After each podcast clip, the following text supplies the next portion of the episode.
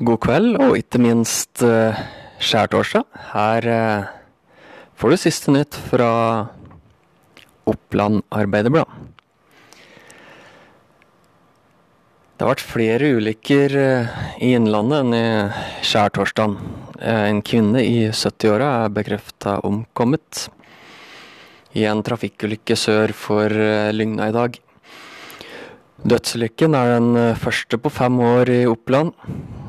Eh, og det var bare én av flere ulykker som inntraff i eh, Innlandet skjærtorsdag over en eh, kort periode. Det skapte ekstra utfordringer på ettermiddagen for nødetatene.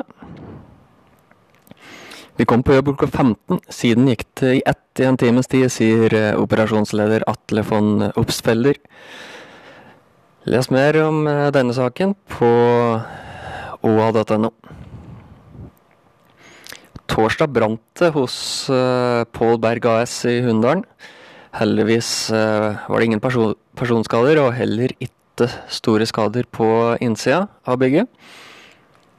Jon Arild Berg, uh, som er medeier av Paul Berg AS, var heldigvis på jobb sammen med samboeren Vera Gundersen da hun oppdaget røyk fra hjørnet på bygningen. I den delen av bygningen ligger en leilighet som Esmail eh, Kayahagni eh, leier av eh, Berg. Der har han bodd i 22 år. Nødetatene kom raskt til stedet og fikk slukka brannen før det ble for store skader på bygningen. Reglene er strenge for tiltak langs Hundselva. Roger Johansen vil bygge uteservering utafor eh, pizzabakeren på Raufoss. Mot eh, kveldssola og elv.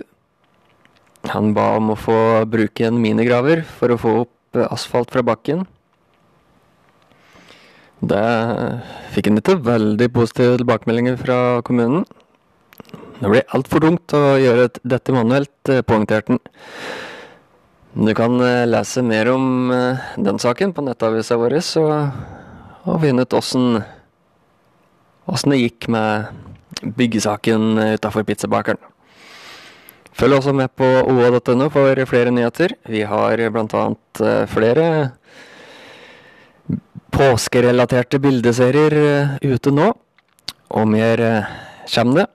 Så følg med, og ha en fortsatt trivelig påske.